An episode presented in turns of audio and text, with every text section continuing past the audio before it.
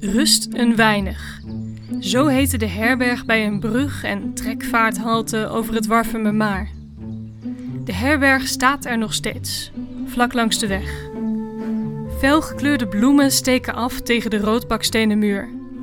Een uithangbord met daarop een paard en de naam van de voormalige herberg beweegt in de wind.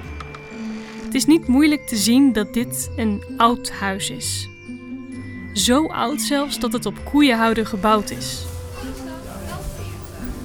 Al in het midden van de 17e eeuw woonden hier mensen nog voor de trekschuiten door het Warffumermaar voeren.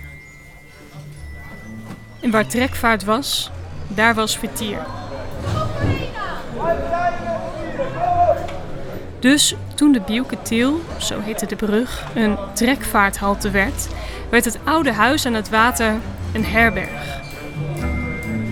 En de naam van de herberg, Rust en Weinig, klinkt voor ons nu wat vreemd in de oren. Maar het betekende zoiets als rust eens even. Alleen rustig was het er eigenlijk nooit. Vooral niet toen de herbergier een nieuw plan bedacht om meer klanten te trekken. Het was een onalledaags plan, op zijn zachtst gezegd.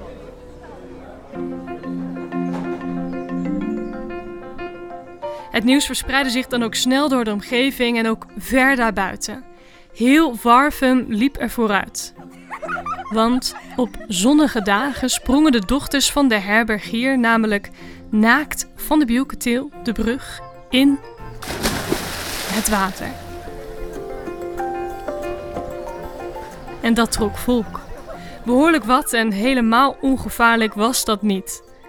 Eén turfschipper zou zo in de war zijn geweest dat hij de bocht uitvloog.